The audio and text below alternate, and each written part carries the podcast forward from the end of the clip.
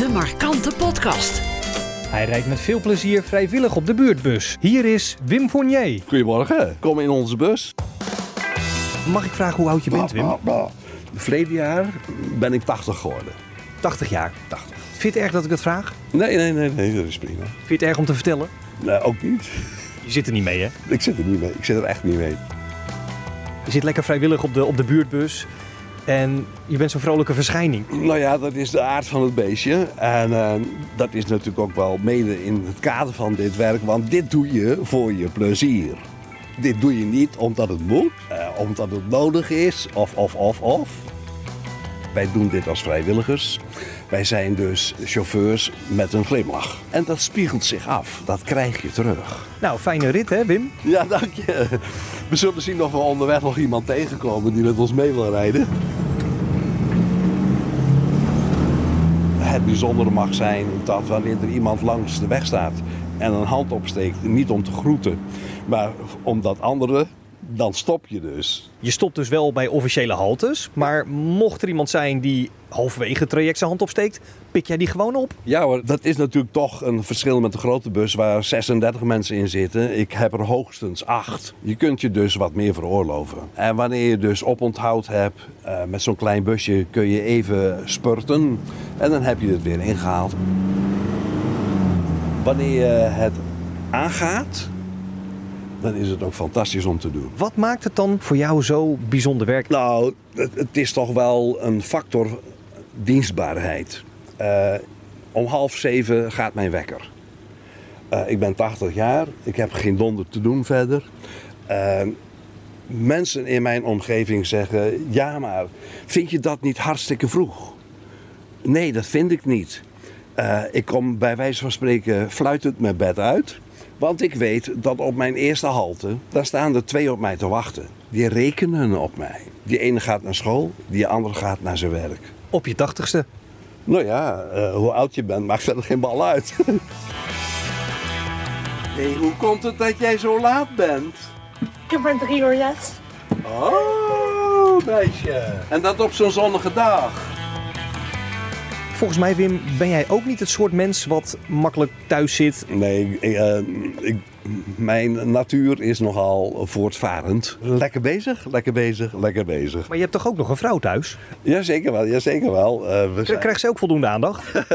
Als ik het vragen mag hoor. Ah, je mag dat vragen. Ze krijgt zat genoeg aandacht. Ehm, haar vriendinnen die, eh, waren dinsdagochtend bij haar op visite, want ze werd 76. En eh, ja, die vrouwen die staan nog een beetje uit hun ooghoeken te kijken van wie zet de koffie? Doet Wim. Wie maakt de appeltaart gereed? Doet Wim. Wie maakt de slagroom? Dat doet Wim. Wie schuift de stoelen bij? Dat doet Wim. Nou ja, ik bedoel, ga maar door. Ken je die mop van de Belgen? Nee. Weet je waarom die een ruitenwisser aan de binnenkant hebben? Als ze optrekken, dan doen ze... We rijden nu door Canis, klein dorpje. Aan weerszijden van het water is... Smalle weggetjes. Ja, is een heel smal weggetje en in het midden ligt dan de brede vaart. Maar dat betekent dus dat bij elke tegenligger het een kwestie is wie er aan de kant gaat. Op een plaats waar je even kunt uitwijken. Dat is een spelletje. Dat is dus eh, gewoon een spelletje. Dat moet je met elkaar afstemmen. En mensen die hier voor het eerst komen, zie je dus stuntelen. Ja, dat is grappig. Twee havens tevoren gaan ze al aan de kant. Eh, of ze gaan niet aan de kant, want ze hebben geen idee dat ze aan de kant moeten. Heel erg grappig, moet ik toch even vertellen. In de begintijd hadden wij eh, dus een sprekende boordcomputer. En die riepen dus de haltes af. Alleen het inspreken van, van zo'n haltebandje gebeurt natuurlijk ergens op een kantoor waar mensen zitten die nog nooit van kokkengen hebben gehoord. Die meneer die dat dus oplepelde, die zei niet kokkengen, maar die zei kokkengen. Oké. Eh, we hebben nu pauze. Eh, ik heb hier mijn, eh, mijn Rivella in mijn dr- drankflesje. Naast dat je vrijwillig op de bus zit, heb jij ook nog een hele belangrijke hobby, hè? Althans, een hobby die voor jou heel belangrijk is. Ja, Waarom moet je nou lachen? Nou, ook dat is betrekkelijk natuurlijk. Eh, vanaf mijn eh, vroege jeugd eh, heb ik belangstelling eh, voor eh, auto's. Eh, met name oude auto's. Ik heb dus een Classic Mini van 1976. Wel nu, ik had dus eh, die Mini gekocht en lekker rijden dat ding jongen. En eh, Mijn handen jeuken, mijn handen jeuken. Hoe werkt dat daar van binnen, van binnen? Dat spul dat ligt op mijn slaapkamer, op een bureau. Want wanneer je op leeftijd hebt, bent, dan heb je wel eens nachten dat de slapen niet zo goed gaat. Nou, dan kun je naar het plafond gaan liggen staren, maar daar word je niet blijer van. En de beste afleiding is dan het schemerlampje aandoen, je kamerjas aandoen en je sloffen aandoen. En eh, achter de bak gaan zitten. Ik snurk ontzettend, dus mijn vrouw is op tijd gevlucht en die heeft haar eigen slaapkamer.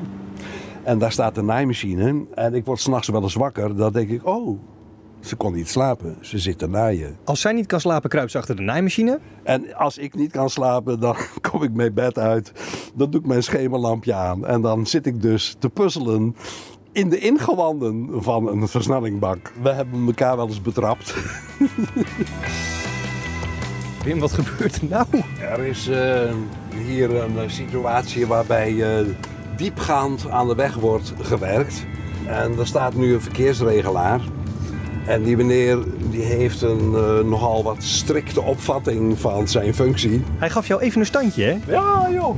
Nou ja, vooruit dan maar weer. Kijk, een man met een prachtige snor, zie je die? Jazeker, heel afhankelijk. Hoe bedoel je dat nou? Nou, een stuk links en een stuk rechts. Dat hangt op zijn revers.